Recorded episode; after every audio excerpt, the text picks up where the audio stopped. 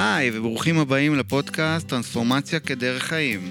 בפודקאסט נדבר על איך טרנספורמציה שהיא שינוי פנימי תשפיע על החיים שלנו, ומה הסיבה שאנשים משנים עבודה, זוגיות, בית, ארץ, עיר ועדיין מרגישים את אותם רגשות. מה זה חופש? מה נדרש להשיג אותו? רמז, זה לא קשור לעולם החיצוני. אני נוי חזן, יזם סדרתי שחוקר את עולם התודעה בכלל והעצמה בפרט. ואני קרינה אביבי, trainer ו master ב-NLP, בעלת מכללת Be Free, להכשרת מטפלים. כל שבוע נדבר על החיים כהזמנה לטרנספורמציה מתמדת. נראיין את האנשים המעניינים ביותר בעולם חקר התודעה, השינוי ועולם ההתפתחות האישית והעצמה. האזנה נעימה. שלום קרינה וברוכים הבאים לפרק מספר 17. ייי, הגענו לפרק מספר 17, זה אנחנו כיף. מתקדמים. מה שלומך. היום? מצוין, מעולה. איך היין? מצוין. מעולה. כל מה שאתה מביא ועושה זה מצוין, אוהב. וואי, תודה, איזה פרגון. כמו שמגיע. אה, קודם כל חשוב לציין שאנחנו שותים יין פורטוגלי. אה, כן. כל האווירה הזאת של לעשות. פודקאסט על יין, זה בכלל כיף כזה גדול. לגמרי. ממש. אה, והיום נדבר על מטרות. כן, נושא שאני באופן אישי מאוד אוהב. באמת. אני, כי אני חי, אני חי מטרות. כן. ופעם זה היה...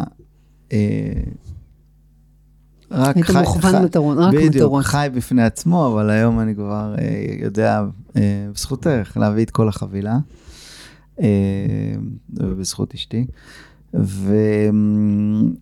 ואנחנו נדבר היום על אה, מספר נושאים. אנשים אוהבים אה, לשים מטרות, א', אני חושב שזה מאוד מאוד חשוב. מהמם. אה, אז אנחנו נדבר קצת על אה, הבדלים בין אה, מטרות, שזה, יש מטרה אימונית ויש מטרה NLPיסטית. מהמם. אבל uh, נתחיל בזה שאנשים בדרך כלל מגיעים אלייך לקליניקה. Uh, איך הם באים? מה? מה, מה האופציות? כלומר, מבחינתם, באתי לקליניקה ו...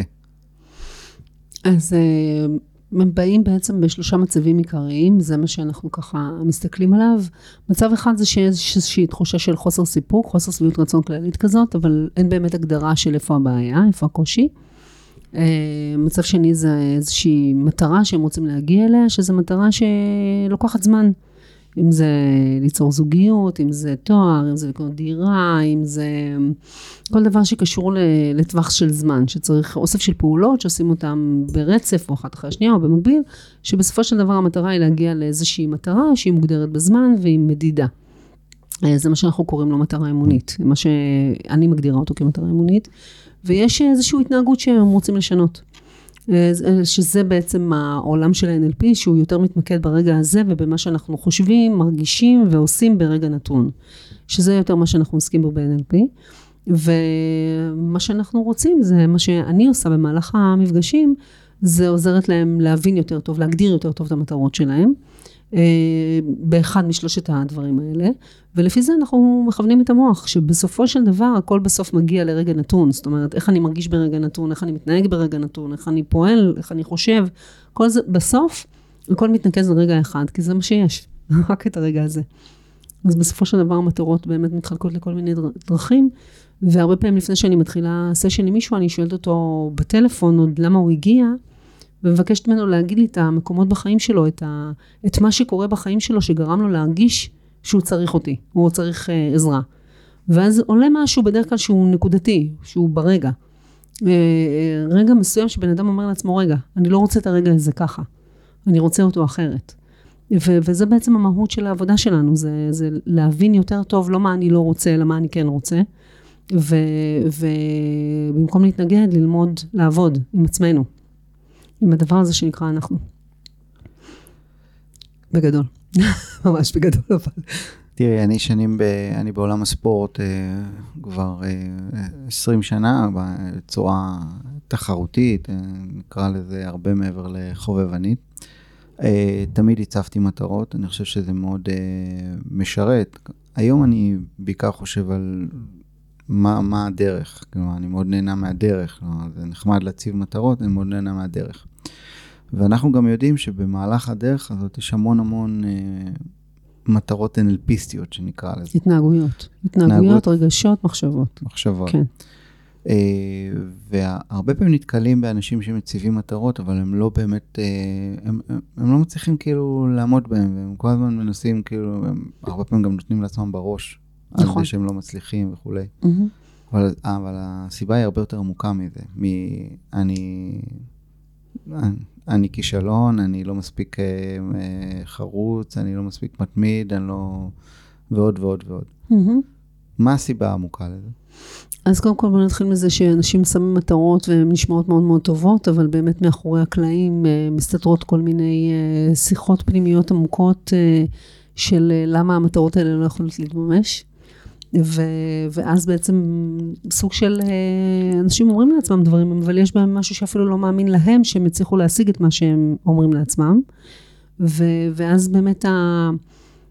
השיחה מחולקת לשתיים. אחד באמת, אה, איך אנחנו מגדירים מטרה בצורה שהמוח יכול באמת לעזור לנו להשיג אותה. וכשאני אומרת את זה, אני אומרת רוב המטרות, ברגע שאנחנו באמת מאמינים שנוכל להשיג אותן, אנחנו מקבלים איזושהי עזרה, זאת אומרת, אנחנו מתחילים לפגוש אנשים שמתאימים לכיוון הזה. יש את המשפט הזה שאומר שכשאתה באמת רוצה משהו ואתה מביע את מה שאתה רוצה, על צעד אחד שתעשה, היקום מביא לך שתיים. נכון? אז הרבה פעמים באמת ההגדרה של המטרה בצורה מדויקת, שהמוח יודע להמשיג אותה, לראות אותה, לחיות אותה, זה ההתחלה. ומצד שני, לבדוק גם למה אנחנו נמנעים, או מה יכול למנוע מאיתנו להשיג את המטרות שלנו. אני יכולה לספר לך שפעם הייתה לי איזושהי, אה, הייתי באיזשהו ערב, פעם הייתי עושה שיחות סלון. אה, היה לי איזשהו סמינר שרציתי אה, לשווק אותו, ועשיתי את זה דרך זה שהייתי מגיעה לאנשים לסלון. הייתי מגיעה אליהם הביתה. והם היו מזמינים את החברים שלהם ופשוט היינו מדברים. ואז יום אחד אה, הייתי באיזשהו מקום ומישהי אמרה לי, תקשיבי, אני בת 40, לא נשואה, תסבירי לי למה. כזה, ככה, בתוך, בתוך הפורום. ואז שאלתי אותה, תגידי, מאיזה רגש את רוצה להימנע? כאילו, אם תהיי בזוגיות, מה תרגישי? שאת מפחדת ממנו? אז היא אמרה לי נטישה. אמרתי לה, בגלל זה את לא בזוגיות. ואז באמת עשינו עם זה עבודה, לזהות איפה המקומות של נטישה, בזוגיות היום. אה, הרגשות שאנחנו רוצים להימנע מהם יותר חזקים מהמטרות שאנחנו רוצים להגיע אליהם. אוקיי? אז בן אדם יכול להגדיר מטרות, הכל נראה טוב, הרגשות שהוא רוצה להרגיש זה מצוין, אבל בסוף המוח שלנו פועל לפי למנוע מאיתנו להרגיש רגשות קשים, יותר מאשר לגרום לנו להרגיש רגשות לא נעימים, כי בבסיס אנחנו, יש לנו מערכת הישרדותית. ואם רגשות לא נעימים יושבים בדיוק באותו מעגלים כמו אה, סכנת מוות. זה אותו, אותם מעגלים נוירולוגיים. אז אנחנו מרגישים רגשות שהם לא נעימים לנו, שהם משדרים למוח שזה סכנה. אין, אין מוח נורמלי שיביא אותנו לסכנה. אז uh, הוא יעשה הכל כדי שלא נחווה סכנה, כולל לא למנוע, למנוע מאיתנו להשיג את המטרות שלנו אם, נכ, אם נכווים לנו כסכנה. בסדר? אז uh, מתחת לכל uh, מטרה, אם אנחנו לא מזהים את הרכשים המתנגדים, הרכשים המתנגדים הם אלה שימנעו מאיתנו להשיג אותה. ולכן באותה מידה שחשוב להגדיר מטרה בצורה שהיא אפקטיבית, לזהות את המשאבים, את האמונות, את הדברים שיכולים לקדם אותה. גם חשוב לזהות את הרכשים הנוירולוגיים שנמצאים בבסיס, שמונעים מאיתנו להשיג אותה, כי המוח פשוט יסיט אותנו מכל דבר שיכול לעזור לנו להתקדם. ואנחנו צריכים לדעת את זה ולעשות שם עבודה ושינוי, כי אחרת פשוט לא נוכל להגיע למה שאנחנו רוצים. זה לא מספיק להגדיר מטרה. זה חשוב, אבל לא מספיק. אז הסברת בחלק הראשון שאנשים יכולים להגיע ב, אה, בחוסר סבירות כללי, ואז את עושה להם משהו שאנחנו קוראים לו גלגל, גלגל החיים. גלגל החיים, Mhm. בעצם לפרק את החיים שלהם לנתחים. לתחומים שחשובים להם. נכון, ו- אבל לא רק, אלא עוד משהו אחד שבעולם האימון בדרך כלל אחרי שעושים את הפילוח הזה לחלקים, לתחומים בחיים ואיך, מה סביבות הרצון מכל חלק, בעולם האימון ישר מתמקדים בחלק שאתה רוצה בו שינוי. ו- והגישה שאנחנו עובדים בה זה קודם כל להתמקד בחלקים שעובדים לנו. כי את ההצלחות שלנו אנחנו לוקחים מהצלחות ולא מחוסר הצלחות. המוח שלנו מחפש את הדברים שעובדים לנו, ומתוך זה הוא יכול לקבל את מה שעובד. אם אנחנו נמשיך לכוון אותו למה לא עובד, אי אפשר מאין לייצר יש. ובין על פי אנחנו כל הזמן מסתכלים על מה עובד לנו, ומה התבניות שיכולות לשרת אותנו, וכבר משרתות אותנו, ואיך אנחנו עוזרים, משתמשים בהם וממחזרים אותם גם למקומות אחרים. זה מה שמשמש את הפסיכולוגיה החיובית.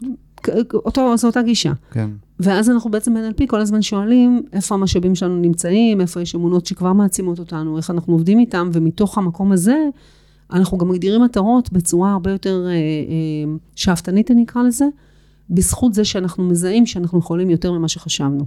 ואני זוכרת שאני ואתה, אני חושבת שאפילו סיפרת לי ששמעת את זה בנבחרת, ש... שהטרגדיה של אנשים זה שהם מגדירים מטרות ומשיג... ומשיגים אותם. שהם okay? מכוונים, לא שהם נמוך מכוונים, ומגיעים. בדיוק. מכוונים, מכוונים נמוך ומגיעים. מכוונים נמוך ופוגעים. ואז קשה להם להרפות מזה, אוקיי? Okay? ונתקעים. אוקיי? Okay? וה, והרעיון הוא, כדי לכוון גבוה, אנחנו צריכים לנקות את הרכשים. כי אחרת אנחנו יכולים להגיע למטרות שלנו ועדיין להרגיש לא מוגשמים. אוקיי? כי, כי המטרות שלנו לא היו בהלימה עם מה שאנחנו באמת מסוגלים. אז זה מאוד מאוד חשוב קודם לוודא את המקומות האלה ולנקות כל מיני אנרגיות, כמו שאנחנו עושים גם בעבודת ערכים, לפני שאנחנו מגדירים מטרות, כי אנחנו עלולים להגדיר מטרות שהן לא באמת בהלימה עם היכולות שלנו. והרבה מאיתנו נורא פוחדים לוותר על זה ולהרפות אחר כך מהמטרות האלה לעבר דברים גדולים יותר, ונתקעים פשוט שם. אז איך את מזהה? משינוי. איך את מזהה שיש אה, בעיה? בן אדם מגיע מאוד אה, ממוקד, לכאורה, באיזושהי מטרה שהוא רוצה להשיג וכולי. Mm-hmm. באיזה שלב את מזהה ש... שיש בעיה? מהרגע שהוא נכנס, כי כנראה שאם לא הייתה בעיה, הוא לא היה מגיע. לא, זה ברור, אבל בתהליך. כאילו, אתה יודע, אם הוא הגיע כבר אליי והוא לא השיג את המטרות שלו, אז יש בעיה. כאילו, אחרת הוא לא היה מגיע. אז חלק מזה זה באמת לבדוק מה מונע ממנו, איזה רגשות, מאיזה רגשות הוא רוצה להימנע, שזה הדבר הקלאסי. אה, אם מישהו שם מטרה והיא ברורה לו והוא גם הגדיר אותה כמו שצריך, שבואו נתחיל מזה, מלא להגדיר בשלילה, אלא להגדיר בחיוב, צריך לראות את זה, לדמיין את זה, להיות אה, בהלימה עם מי שאני רוצה להיות שם, יש כל כך הרבה בדיקות, ואז באמת לוודא אם יש איזה שהם רגשות שאני לא רוצה להרגיש. אני רוצה להגיד לך שלפני, כשאני התחלתי את, ה, את עולם ה-NLP, עשיתי איזשהו תרגיל שנקרא רפור עם האני העתידי, אוקיי? ומי שאני הייתי בעתיד, ממש לא אהבתי את מי שהיא הייתה, כי היא הייתה נורא מחויטת ופלצנית וכל מיני דברים שהם הרגישו לי שאני לא רוצה להיות הבן אדם הזה. וזה יצר אצלי המון דיסוננסים של להתקדם לעבר המטרות שלי, כי מי שהפכתי להיות בדמיון, זה מישהי שלא אהבתי. אז זה מאוד הפריע לי, הייתי צריכה לשנות את כל התפיסה שלי את עצמי. זה לקח את הזמן שזה לקח, אבל זה בסופו של דבר גם uh, לאהוב את האני שאתה הופך להיות. אם מישהו יש לו רצון לעסק מאוד, אה, מצליח, אבל יש לו שיחה שאומרת שאנשי עסקים הם אה, רמאים והם הגיעו לדרך שלהם דרך זה שהם עבדו על אחרים וניצלו אנשים ועשקו אותם, אז עדיף שלא יתחיל בעסק, כאילו, כי אם זאת השיחה שלו על עצמו בסוף. אז יש כל מיני שיחות שאנשים סוחבים איתם, שעד שהם לא מנקים אותם, זה לא משנה כמה מטרות הם ישימו, משהו בלא מודע שלהם לא יאפשר להם להגיע.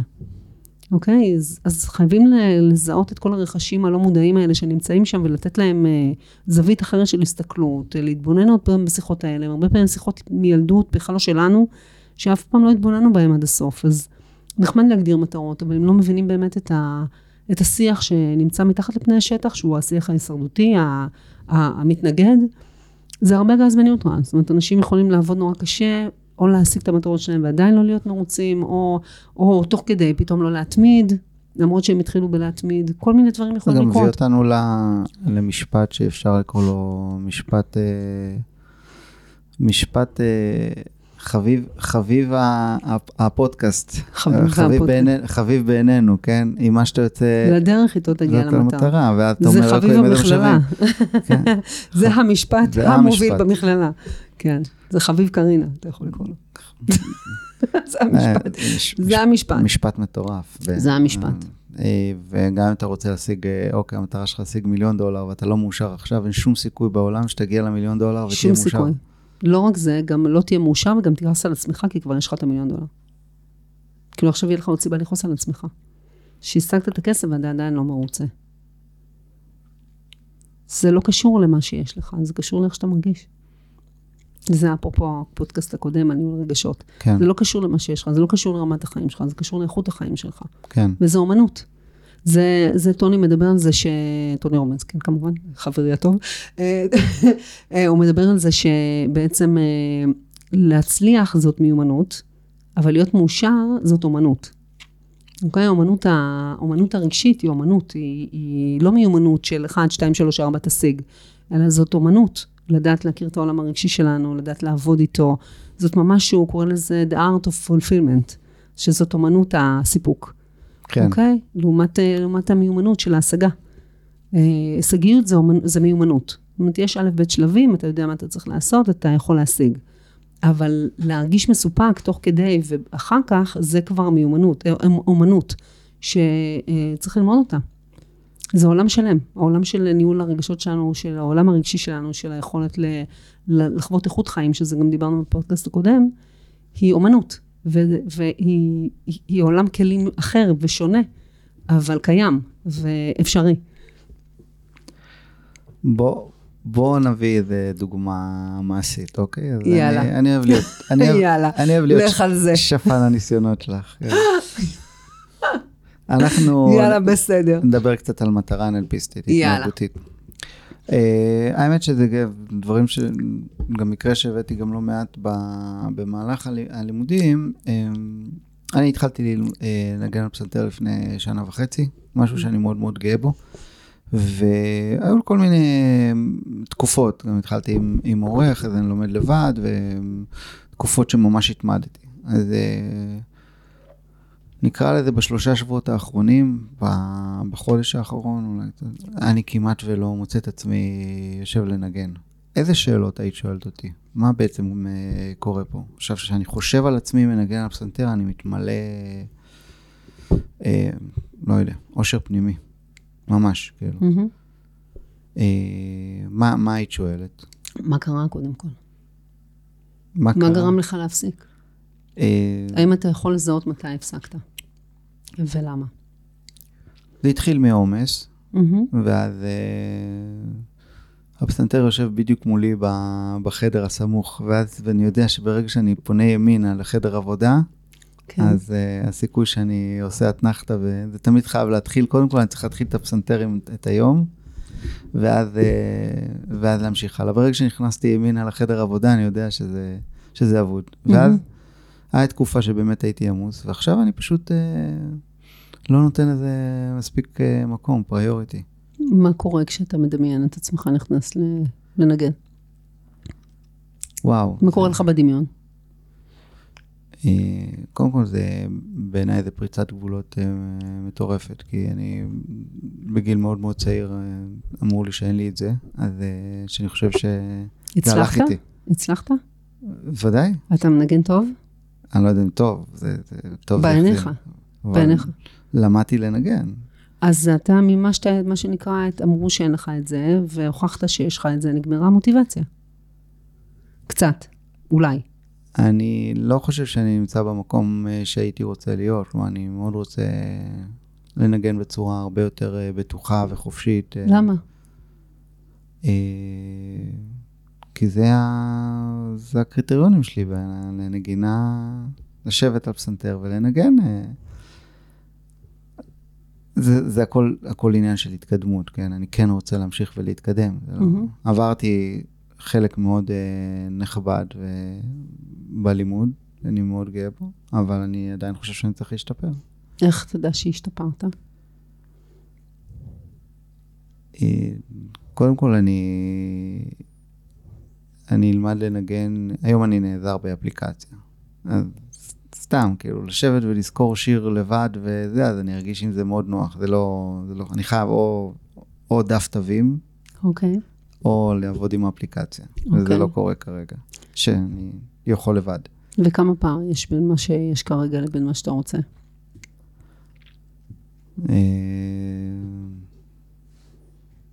לא גדול מדי, אבל הוא, הוא קיים. אוקיי.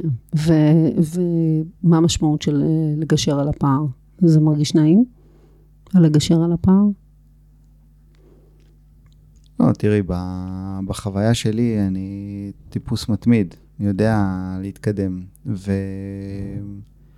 ואני יודע שזה מצריך פשוט אה, לשבת, לשבת וללמוד, או פשוט לשנות איזשהו קונספט וכן לחזור למורה. אבל אז זה מה ששאלתי. כשאתה חושב על לגשר על הפער, זה מרגיש נעים? לא ענית לא. לי על השאלה. אוקיי, תודה. זהו, כשאתה חושב על, ה- על ה- לגשר על הפער, זה לא מרגיש נעים. לא, אוקיי, אז אתה מבין שהמוח שלך יעשה הכל כדי שתרגיש נעים. כן. אוקיי, איך אתה מרגיש עם דברים שהם לא נעימים? אה, זה סבבה לך לעשות דברים לא נעימים? לא, לא. אז מה שנקרא, עשית דברים לא נעימים עד שהצלחת לנגן משהו, ואז לא בא לך לעשות יותר דברים לא נעימים. אפשר, אפשר להגיד שזה נקודה כזאת, כן. הגעתי לנקודה שממש אה, כאילו נהניתי לשבת ולראות את ההתקדמות, וזהו. ועכשיו אני מבין שאני צריך לעשות אה, קפיצה יותר אה, גדולה. שהיא מבקשת יותר לא נעים קצת. כן. כי זה כבר המקומות האלה שהם, אתה יודע, זה לחפור בתוך, אה, בתוך מערכת העצבים שלך ולייצר שם קשרים נורולוגיים יותר עמוקים שיאפשרו flow. כן. אוקיי, אז מתוך ההבנה הזאת, מה אתה רוצה? אה, צריך לחלק את זה כנראה לצעדים יותר אה, קטנים. שאלתי ש- מה אתה רוצה, לא איך. אה. שאלתי מה. מה אני רוצה? כן, יכול להיות שיגיע לך איך אחר ברגע שהמה שלך יהיה ברור לך. מה אתה רוצה? אני רוצה לחזור לנגן. מה אתה רוצה? אתה לא, זה לא, זה אמצעי, מה אתה רוצה? אה, תחושה של פלואו. אוקיי. וזרימה? אתה רוצה תחושה של פלואו וזרימה כשאתה מנגן. כן. תדמיין את זה שנייה.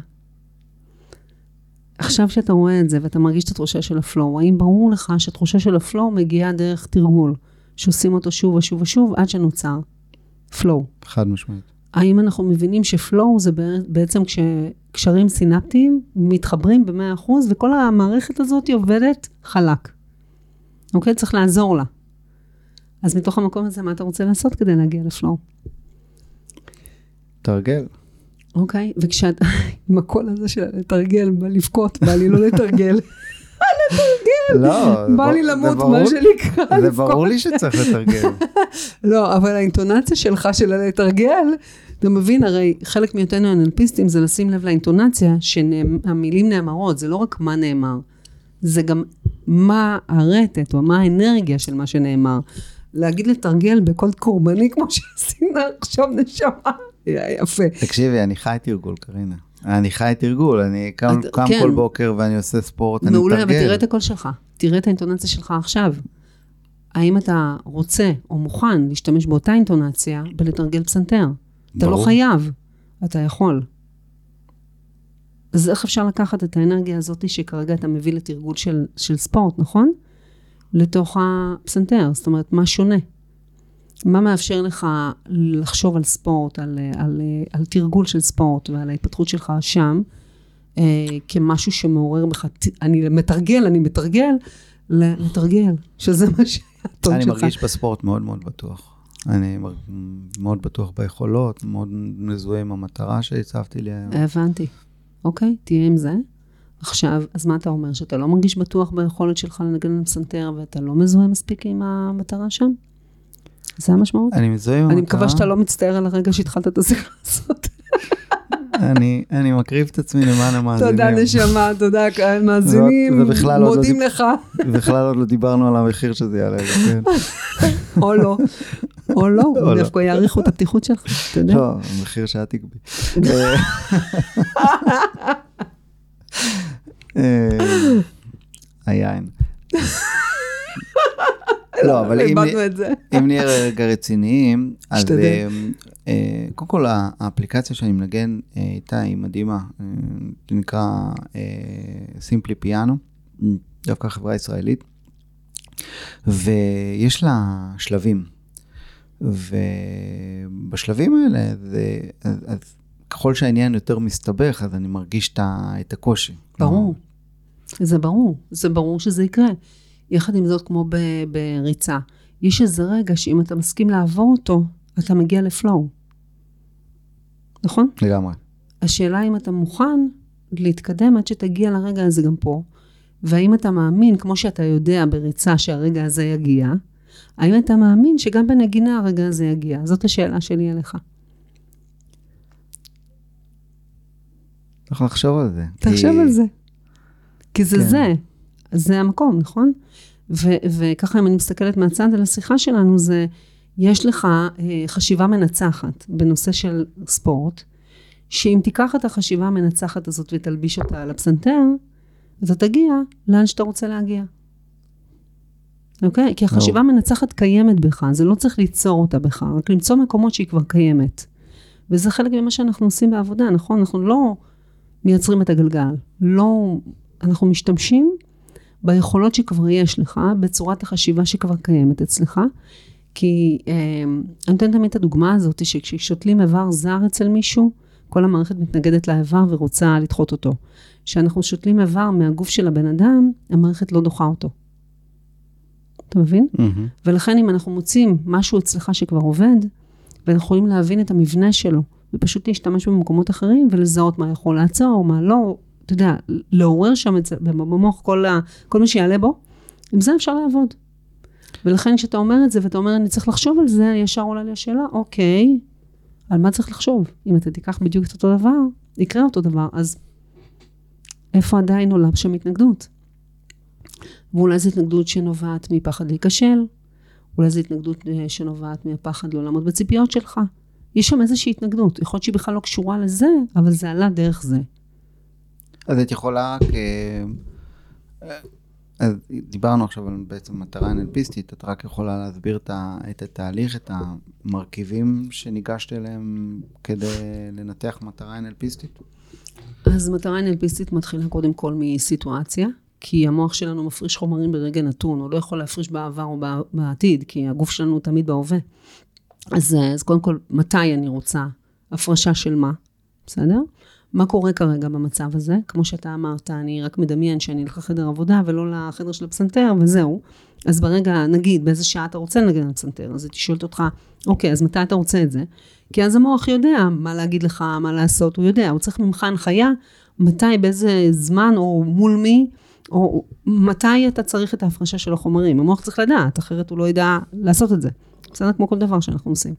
אז מהי הסיטואציה, או מה הטריגר, או מה המקום שמתחיל את זה? מה קורה כרגע? מה אתה רוצה במקום? איזה משאבים, לצורך העניין הזה הורמונים, אתה רוצה שיופרשו, אז איזה משאבים, אם זה ביטחון, אם זה אמונה, whatever, ומה יכול למנוע ממך. אנחנו קוראים לזה בשפה המקצועית אקולוגיה. זאת אומרת שיש איזושהי התנגדות, יש הרבה חלקים הולכים לכיוון אחד, ויש חלק שהולך לכיוון אחר. זאת אומרת, יש משהו ביחסי הגומלין שלא עובד כמו שצריך. העולם NLP קרא לזה אקולוגיה. בסדר? אה, כשיש אקולוגיה, אז כל החלקים עובדים ביחד למטרה משותפת שהיא שומרת על הכל ועל כולם. וכשאין אקולוגיה, זה אומר שיש חלקים שהולכים לכיוון אחד, וחלקים שהולכים לכיוון אחר. וכדי שנשיג את המטרה שלנו, אנחנו, אם אנחנו מייצרים התנגדות, אז זה, כמו רכבת שהולכת על חצץ, אה, שנוסעת על חצץ, היא באיזשהו שלב נעצרת, זה לא משנה, היא תאבד את האנרציה. אז אנחנו חייבים לנקות את החצץ, כדי לאפשר לרכבת לנוע באופן אה, קל. ו- וזה מה שאנחנו בעצם עושים, אנחנו מזהים את ה... קודם כל, מגדירים למוח מה אנחנו רוצים שיקרה מתי, אוקיי? ודבר שני, משחררים את כל ההתנגדויות שיש לנו כדי שזה יקרה. זה בעצם שני האפיקים שאנחנו עובדים עליהם, ומבינים מה אנחנו רוצים. כי הבעיה הכי גדולה, ואתה יודע את זה מהקורס, ואני רואה את זה כל הזמן, זה שאנשים מאוד מאוד בהתנגדות למה שהם לא רוצים, אבל הם לא יודעים להגדיר מה הם כן רוצים. אוקיי? הם כל כך עסוקים בלהתנגד, שהם לא הגדירו לעצמם, ולא בכלל, אני יכולה להגיד לך יותר מזה, אפילו לא מאמינים שמגיע להם להגדיר מה הם רוצים. רובנו גדלנו בעולם שאף אחד לא שאל אותנו כילדים מה אנחנו רוצים. יותר מזה, עד גיל 21 לא נאלצנו לקבל החלטות, וגם אסור עלינו לקבל החלטות על החיים שלנו, כי אמרו לנו מה לעשות. ואז בגיל 21 פתאום אומרים לנו, רגע, איך אתה לא יודע מה אתה רוצה? לא לימדתם אותי 21 שנה לשאול את השאלה הזאת?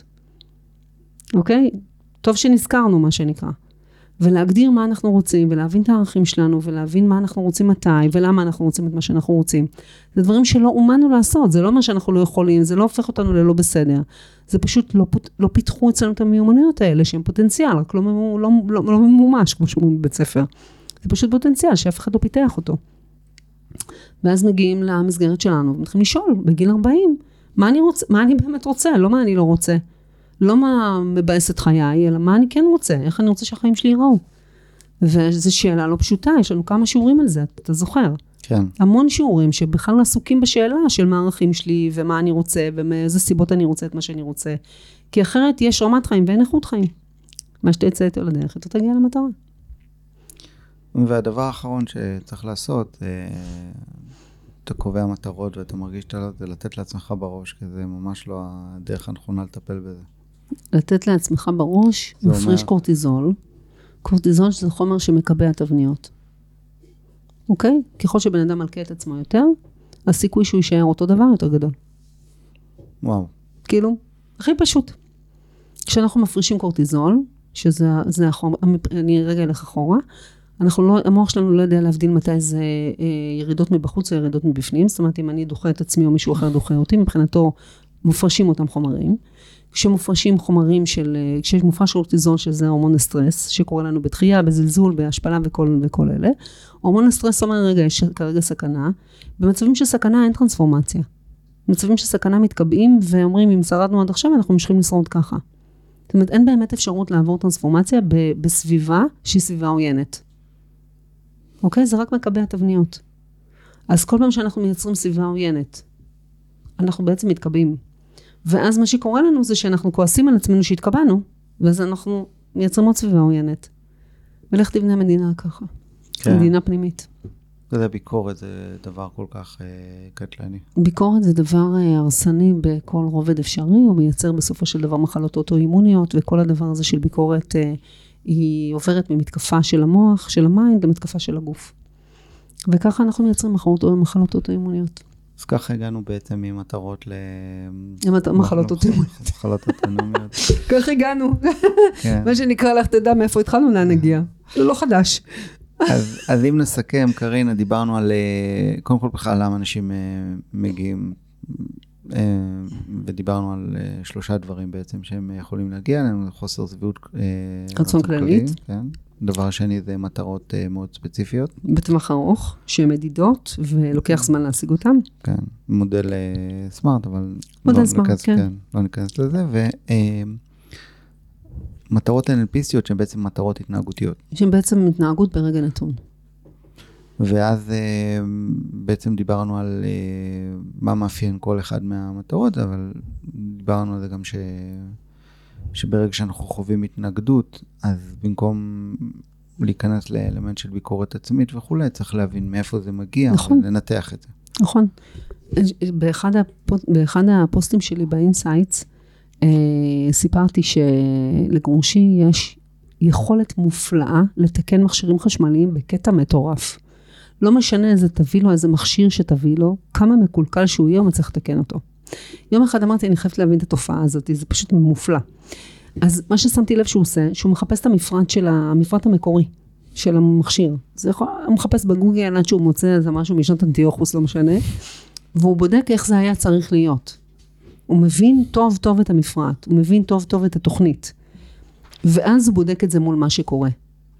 ואני חושבת שאנחנו ממהרים לתקן משהו שאנחנו לא ממש, מבינים אותו עד הסוף. ושאנחנו לא מבינים משהו עד הסוף, ואנחנו סתם, ואנחנו כועסים, בלי להבין עד הסוף, אז גם לא נצליח לתקן, כי כשאנחנו כועסים אנחנו מפרישים קורטיזול, כשאנחנו מפרישים קורטיזול אנחנו מקבעים, אנחנו לא באמת יכולים לפתור משהו שלא הבנו אותו. והרבה מאיתנו מנסים לפתור משהו בלי להבין בדיוק מה קורה שם. ולא לוקחים בחשבון שיש צרכ... שם צרכים מסוימים, יש שם אמונות מסוימות, יש שם רגשות מסוימים, יש עולם תוכן שלם בתוך כל התנהגות שאנחנו לא אוהבים. וכשאנחנו מבינים את זה ועושים מה שנקרא חקירה חומלת, שזה מושג של גבור מטה, של דוקטור אה, גבור מטה, שהוא בעיניי אחד המומחים בכל מה שקשור לפוסט-טראומה מורכבת וטראומות בכלל. אה, ברגע שאנחנו עושים חקירה חומלת ובאמת באמת מוכנים להבין את עצמנו ולהיות חברים של עצמנו, אנחנו לומדים גם לסמוך על עצמנו. כי אם אני יודעת שאני אעשה משהו והוא לא יהיה בסדר ואני אכנס בעצמי על 200, עם הזמן אני מפסיקה לסמוך על עצמי כחברה של עצמי. אז אני לא אעשה, לא משנה מה מישהו אחר יגיד לי. אני אומרת לי, לא צריכה אף אחד אחר. זה שום דבר טוב. אני לא חיה עם עצמי, בסופו של דבר, 24 שעות, לא עם אחרים. אחרים אני פוגשת לחמש דקות, איתי אני חיה כל היום. מסכנים אנשים שחיים עם עצמם בביקורת עצמית, כי אין לזה סוף. הם מבקרים אחרים, שופטים, אבל הם קודם כל עושים את זה לעצמם, הם צריכים לחיות עם עצמם. אחרים פוגשים אותם לחמש דקות, הם חיים עם עצמם 24 שעות. קשוח. לגמרי. אה, זה בנימה אופטימית. מאוד אופטימית. אה, נסיים להיום. קרינה, תודה רבה. תודה רבה לך, נוי, כרגיל היה מדהים. ותודה שהקרבת את עצמך למען המדע. אה, לגמרי מרגיש, כן. חשוף. אני מאוד אה, אשמח. תזמין אה, אותי לקונצרט. זה מה שיש לי להגיד לך. לא- לא עוד יקרה. אין בעיה, אני אשמח לבוא. אה, יקרים, יקרות, אם מצאתם ערך בפרק הזה, נשמח אם, אה, נשמח אם תשתפו. בהחלט תשתפו. תעבירו הלאה. אה, מאוד בוא מאוד נעזור חשוב לנו. לאנשים לאהוב את עצמם יותר. כן, מאוד מאוד חשוב לנו להפיץ את הפודקאסט הזה כמה שאפשר, על מנת להביא כמה שיותר ערך. אז. אה, תודה רבה בינתיים. תודה רבה, נוי. כרגיל היה מדהים. תודה, קרינה, ביי ביי. ביי. זהו, עד כאן לפרק של היום. תוכלו למצוא בדף הפודקאסט bfree.expert את כל הקישורים הרלוונטיים לפרק הזה. תוכלו להירשם על מנת לשלוח לכם תזכורת בכל פעם שמעלים פרק חדש. אני מזמינה אתכם לכתוב לי תגובות, לספר מה אהבתם, על מה תרצו שנדבר בפרקים הבאים, ומי שרוצה עוד להכיר אותי, מוזמן לחפש קרין אביבי בפייסבוק. אם אתם מעוניינים להמשיך וללמוד ולהתפתח, או להפוך למטפלים בעצמכם, אתם מוזמנים ליצור קשר עם מכללת ביפרי, באתר www.bfree.expert. אל תשכחו לדרג אותנו בכל הפלטפורמות המובילות. יאללה, יאללה ביי. ביי.